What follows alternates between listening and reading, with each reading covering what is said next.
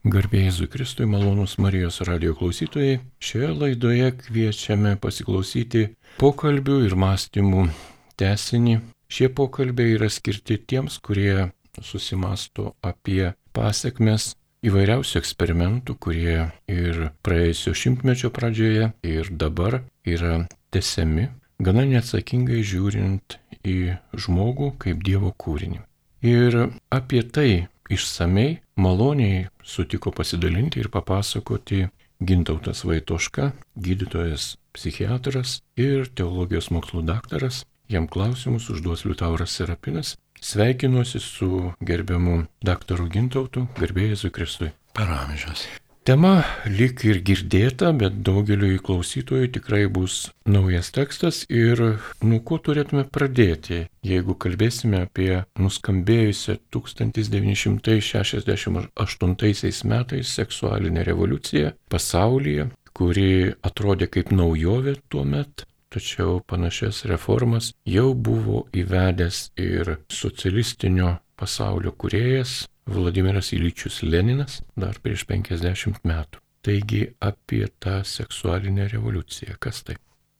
Taip, reiškinys sudėtingas, priežastys yra kelios, galima žiūrėti į ją iš, na, vat, iš tos marksistinės pusės, kad tam tikrą prasme tai sutampa su marksistinė ideologija, čia galima mėginti mums apibriežti, kaip būtent kodėl stampa. Kita vertus, taip pat turėjo reikšmės Zygmundo Freudo darbai ir, tarkim, jo sukurto mokslo psichoanalizės vulgarizavimas, reiškia, tam tikrą prasme pats Freudas buvo atsakingas už galbūt tokį tam tikrą vienpusišką tikrovės vaizdą, labai seksualizuotą tikrovės vaizdą, bet e, jo populiarintojai, tokie kaip koks nors Herbertas Markuzė, kuris, e, vad kaip tik ir laikomas e, marksistinių freudistų, tai labai vulgarizavo šitą mokslą. Ir to pasiekoje žmogus dažnai galvoja, taip sakant, jau, nu, tokį turi mūsų visuomenėje žmogus dažnai įsitikinimą, kad susilaikyti yra nesveika, seksualinė iškrova, seksualinius poreikius yra būtina patenkinti, kitaip e, tu būsi arba nemodernus žmogus, nešiuolaikiškas žmogus, arba ir netgi sirksi. Ne? Čia girdime tokias nuomonės. Tai galim būtų sakyti, kad iš ties čia na, vat, dvi tokios linijos. Viena e, reiktų galvoti, kaip čia siejasi su marksistiniu pasaulio vaizdu, kas atrodo iš pradžių netikėta, koks čia ryšys tarp to Markso ir, taip sakant, seksualinės galios ar gimties galios raiškos, kita vertus, e, reiškia, psichoanalizės tokia linija čia svarbi. Tai jeigu kalbėt apie tai, ką darė Rusija, žinot, yra čia tas pasakymas, kad maždaug Sovietų sąjungoje sekso nebuvo, tokį mes girdim dažnai, o čia mes išsilaisvinom, tai galima atsakyti, kad e, na, naudojant tą patį tokį vulgaroką žodyną, galim sakyti, kad Sovietų sąjungoje sekso buvo per daug.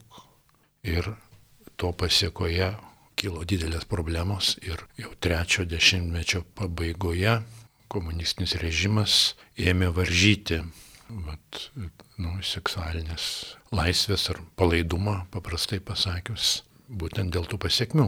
O kokiosgi buvo pasiekmes ir kas ten dėjosi, tai e, Lenino e, dekretais buvo ardoma šeima, įteisintos lengvos skirybos, e, skatinami intimus santykiai, pripažįstama laisvė homoseksualiai santykiauti ir įvairūs paradai tokios rušies vyko. Žodžiu, toks, vat, kaip sakant, išsilaisvinimas, na ir tiksliau kalbant, e, instinktų išlaisvinimas, tiek turbūt agresijos instinkto, tiek seksualinio instinkto.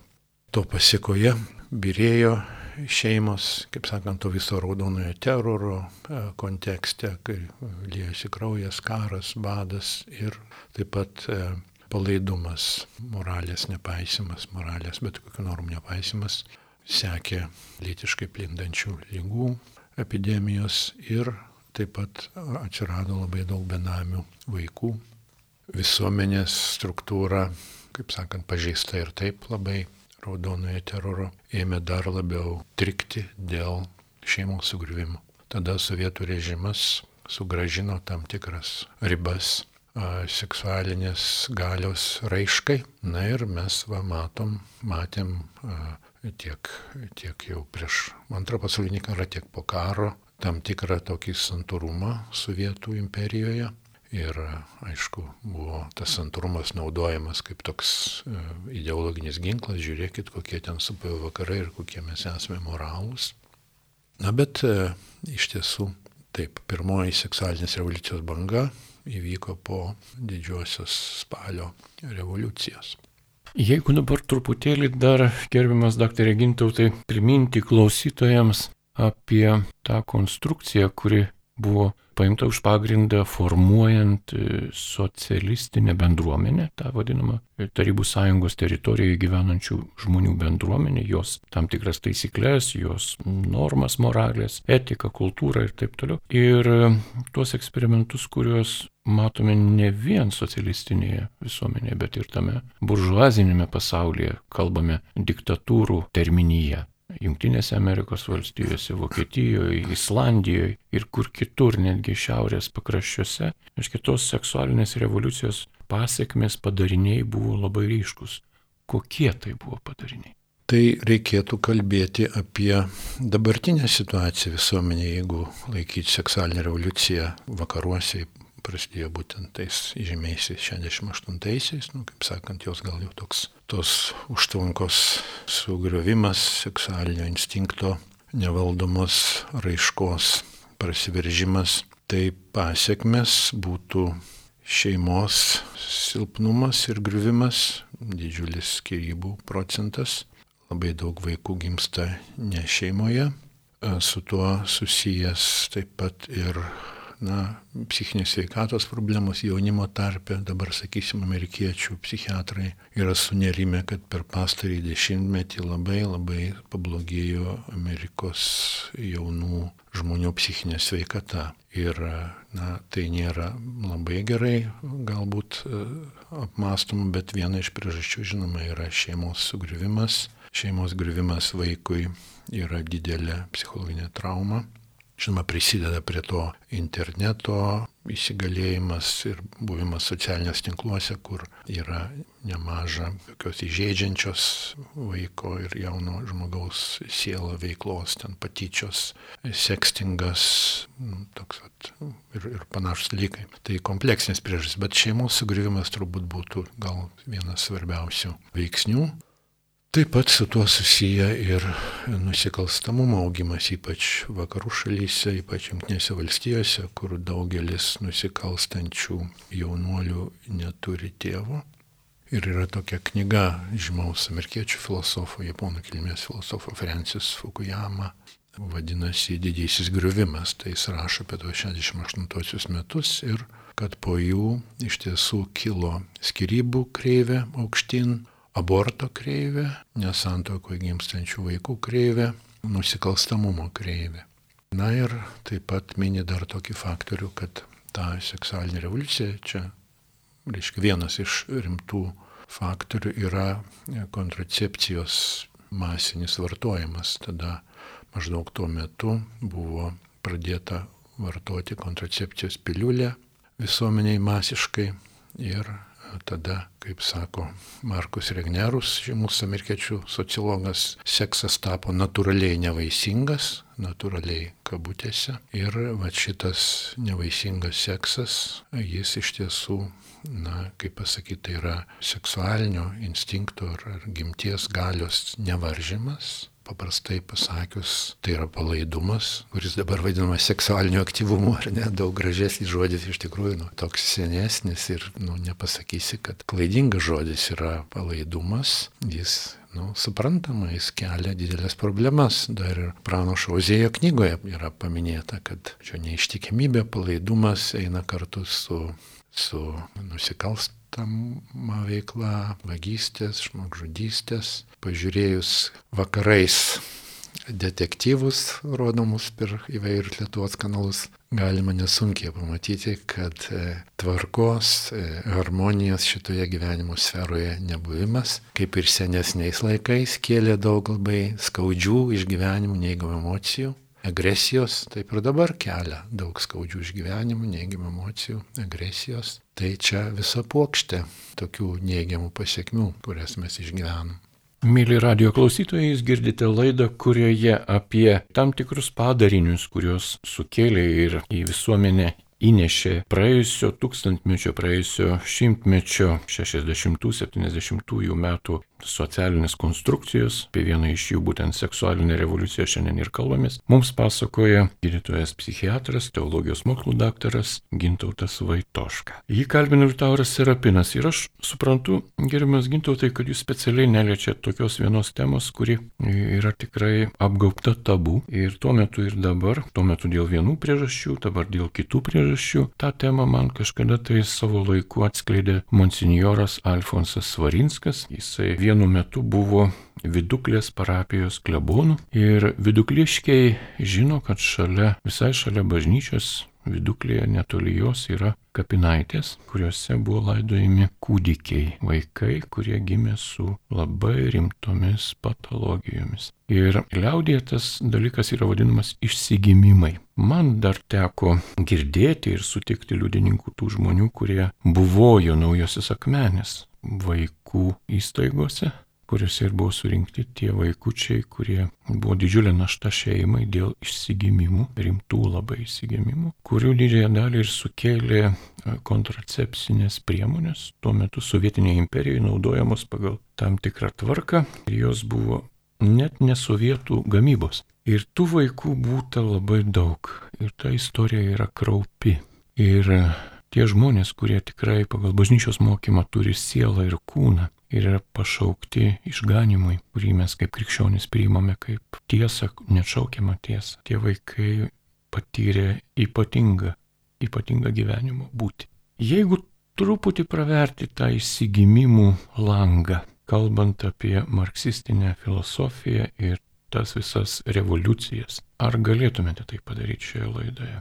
Na, jūs turbūt kalbate apie vieną preparatą, kuris sukeldavo vaikų apsigimimus Ir taip, čia na, buvo kontracepcijos tokio, kaip sakyti, šaltinis efektas, kurio dabar žinoma nėra. Tie preparatai, nu, jie šiaip nėra moters sveikatai geri, kraujo spaudimas kyla, krešėjimo galimybė didelė yra, nemažai moterų nenori vartoti dėl tokių, dėl tokių nepageidaujamų reiškinių. Bet e, iš ties e, ta tokia, kokia, reiškia, sąsaja su marksizmu, čia yra tokios irgi galbūt keliariopos. Turbūt lengviausia matyti, jas skaitant Engelso, Friedricho Engelso veikalą privačios nusavybės ir šeimos kilmė, kuriame jis sieja privačią nusavybę su šeima. Pagal Engelsą pirmasis kapitalistas buvo vyras, o pirmasis darbininkas, proletaras buvo žmona ir jos pagimdyti vaikai. Ir dėl to, norint sugriauti privačią, nu, reiškia panaikinti privačią nusavybę, kas buvo komunizmo tikslas, reikia sugriauti šeimą. Na ir šeimos sugriovimas taip pat siejosi su tokia, nu, seksualinė laisvė. Engelsas pats savo gyvenimu pasižymėjo šią savybę ir kada nevedė, ir taip pat nors smerkia, teoriškai smerkia prostituciją, yra žinoma, kad pats dėja išnaudojo tas moteris ir teigia, kad santoka, jis buvo už monogamiją, taip sakant, kad turi būti viena, vienas vyras, viena žmona, ką dabar mes girdim kartais mėginama paneigti ir netgi šitoks, reiškia, tokia gyvenimo tvarka. Sakė, aš esu už monogamiją, tačiau Monogamija turi trukti tiek, kiek trunka lytinė meilė, gešlekslybė vokiškai, o vyrams jinai trunka trumpai. Na, čia vat matomas Engelso, taip sakytas, asmenis interesas ir kaip dar Friedrichas Nyčia yra pastebėjęs, iš tiesų, jeigu nori suprasti kokio nors filosofo veikalus, tai turi pasižiūrėti žmogaus gyvenimą, pasidomėti jo, taip sakant, savijautą ir pasaulėjautą ir pasaulievaizdžių. Tai Engelsas turėjo tokią, sakyti, tendenciją, nu jinai nėra nauja, sakyti, seksualinio instinkto laisvė ar jo taip sakant, išlaisvinimas kabutėse iš e, etikos e, e, normų nėra gimęs XIX amžiaus pabaigos su Engelsu, visais laikais, visuose istorijos perioduose būdavo įvairių tokio to seksualinio instinkto paleidimo, taip sakyti, raiškų. Bet Engelsas buvo už tai ir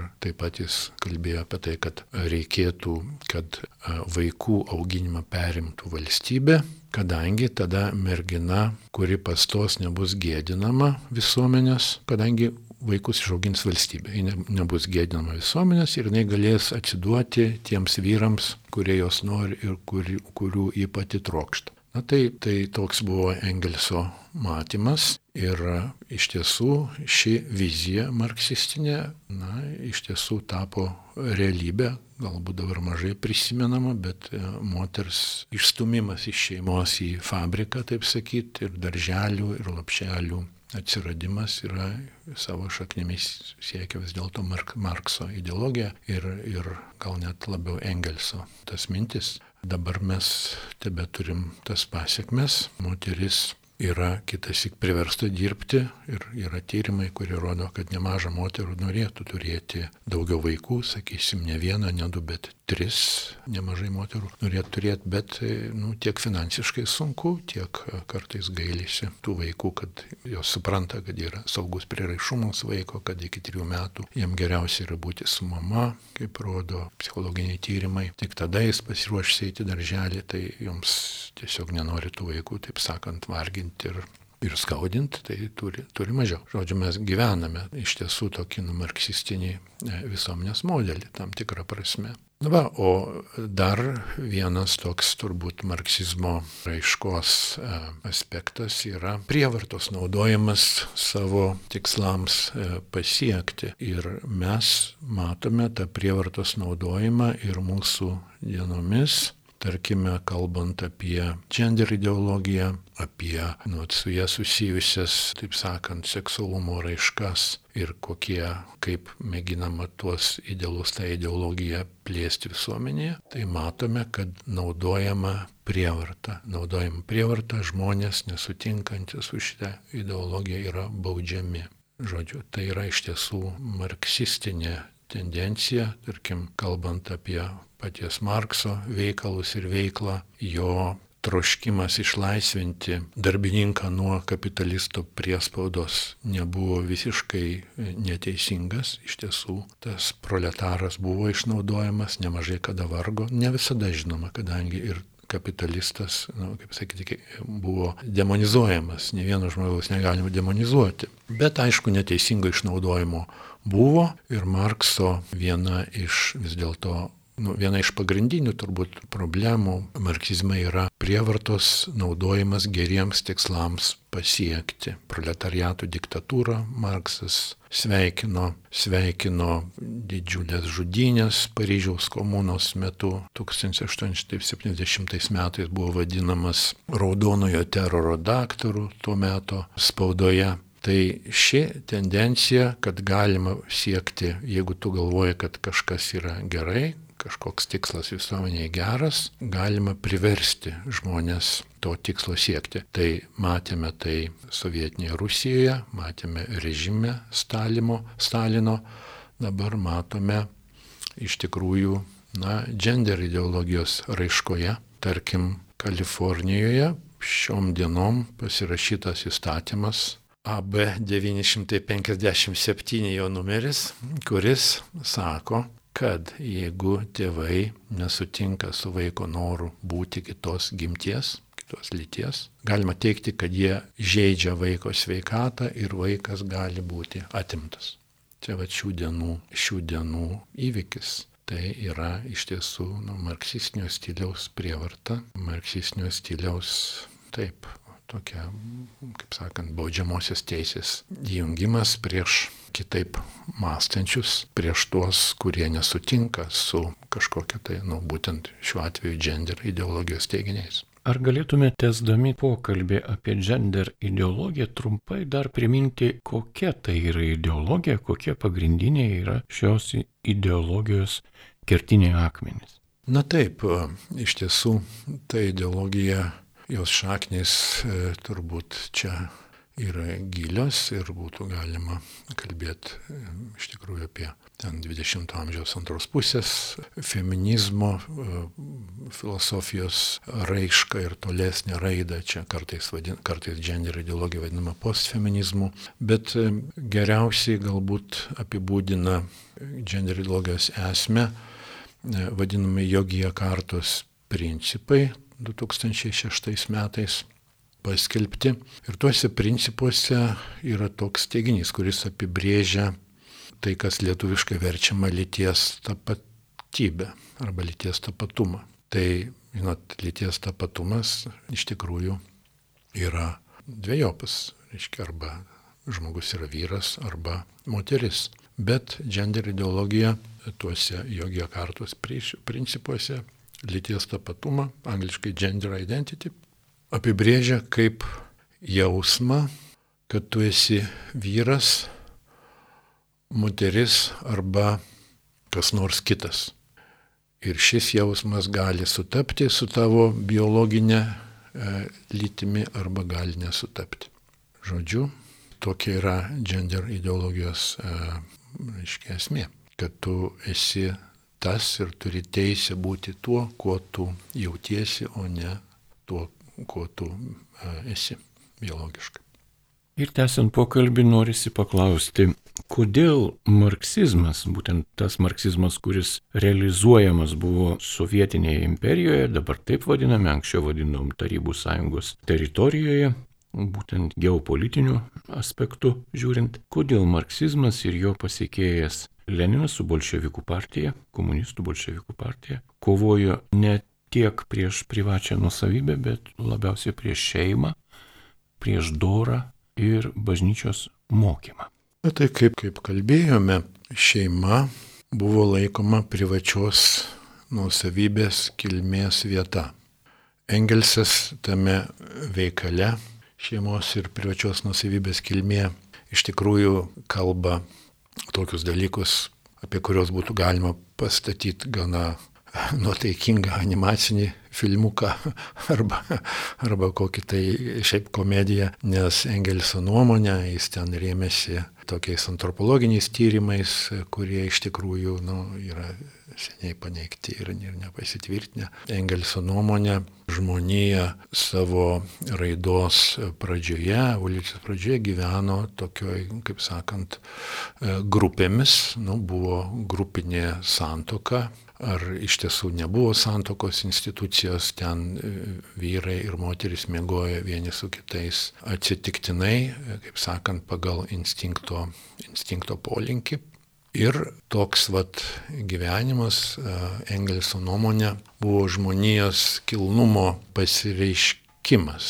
Jis laikė tą žmogaus kilnumo pasireiškimo, kadangi rašo ten, pavyzdžiui, Vilkas savo, reiškia, draugės vilkės kitam vilkui išnaudoti neleidžia. Kodėl neleidžia? Dėl to, kad jis yra žvėris ir turi primityvus tokį savininkišką instinktą. Tuo tarpu e, žmogus, kuris evoliucijos bėgėje tapo kilnus, tokio primityvaus pavydo jausmo neturėjo ir dėl to visi laimingai gyveno grupinėje santokoje arba kaip taip truputį to žarvonu kalbant, praktikavo grup, nu, grupinius seksualinius santykius ir panašiai.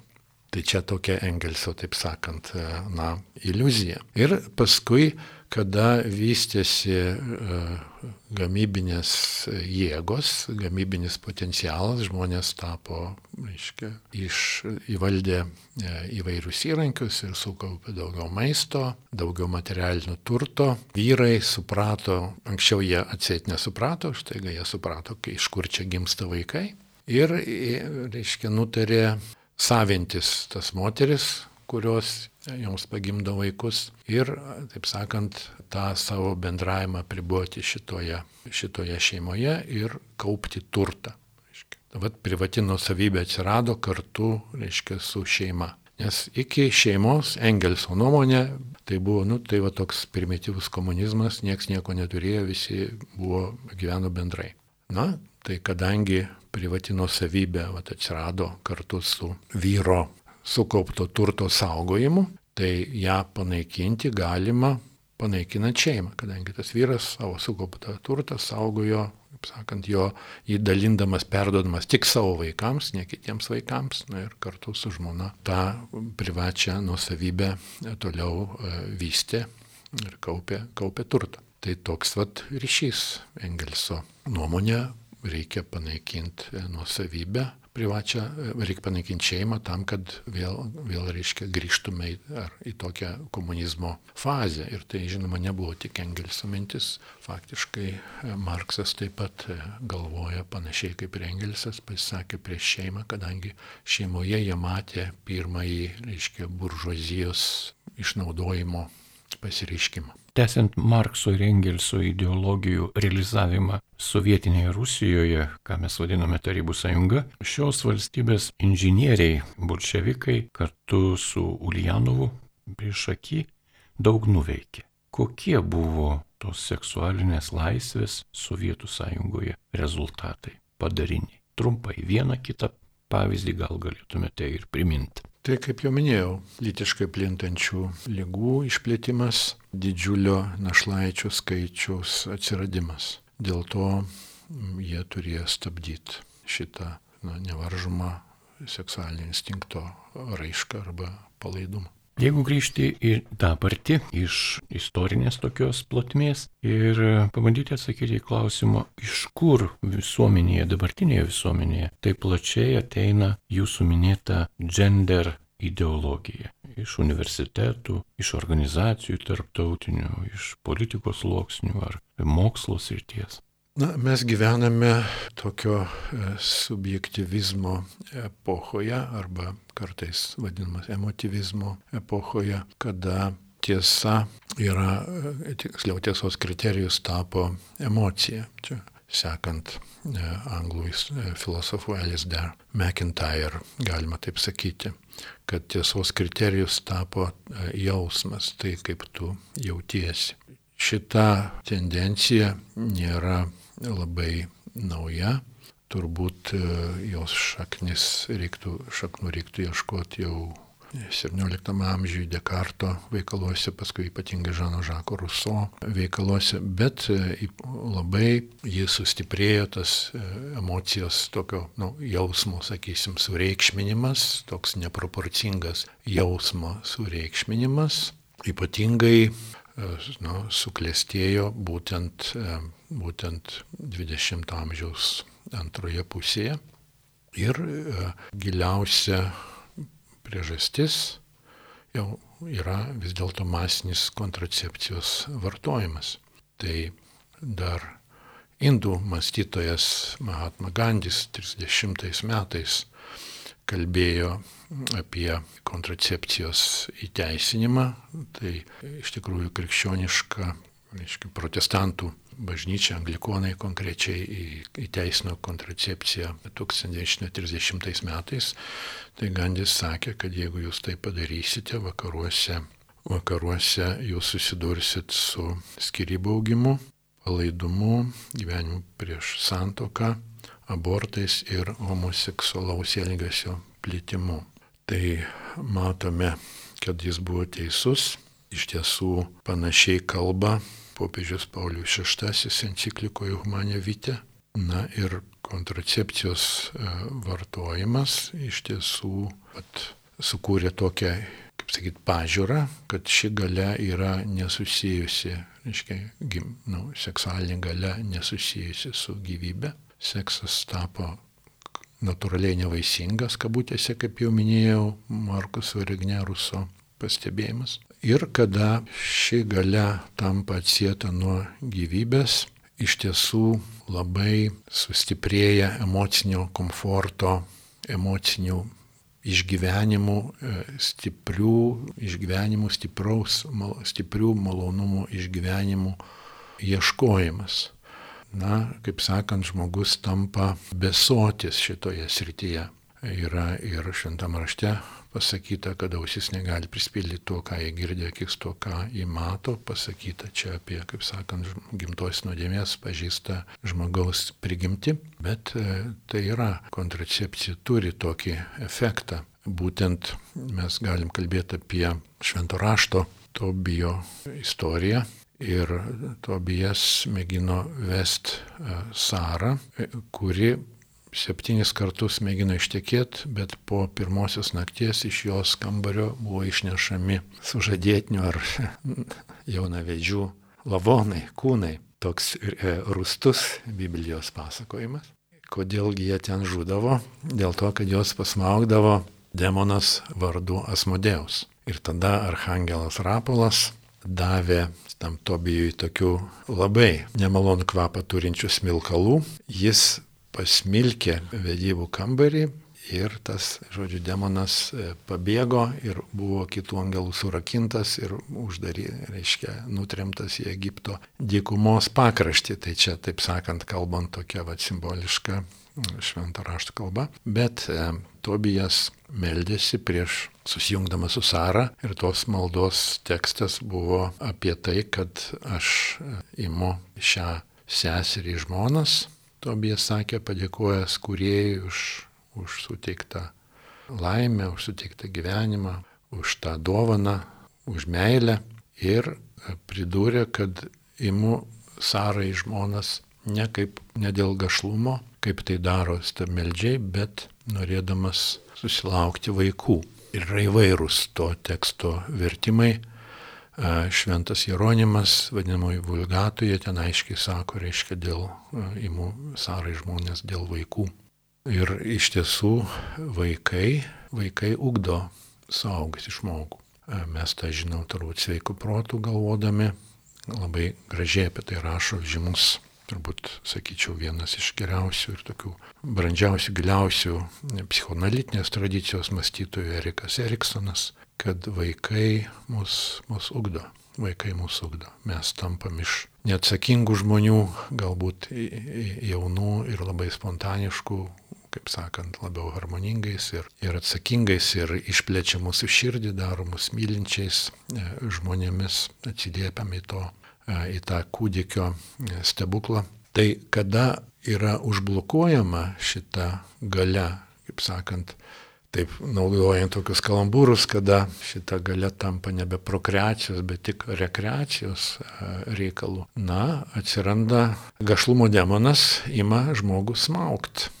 Ir iš tiesų netaip jau čia simboliška viskas, kadangi gašlumas, nevaldomas gašlumas, tarkim, pornografijos vartojimas, priklausomybė nuo pornografijos, priklausomybė nuo seksualinio malonumo, kaip yra žinoma, ji panašiai kaip ir kitos priklausomybės reikalauja vis didesnio ir didesnio stimuliavimo, nes tas paprastas, vadinkim, kabutėse stimuliavimas tampa nebepakankamai efektyvus ir ta tendencija ir tokia gradacija, taip sakant, laiptai žemyn į žemesnės, taip sakant, dvasinės sferas, jeigu taip jas galima vadinti, jie yra nu, pastebėti, žodžiu, nuo erotikos, prie švelnios pornografijos ir prie, tada prie žiaurios pornografijos. Ir žiauri pornografija yra labiau paplitusi, vadinama hardcore pornografija.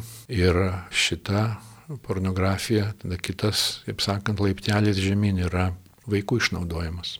Tai mes čia vis dėlto iš tiesų kalbam apie žmogaus moralinę mirtį. Tie septyni jaunikių kūnai išnešti iš Saros kambario, na, nėra jau tokia tolima, kaip sakyti, abstrakcija.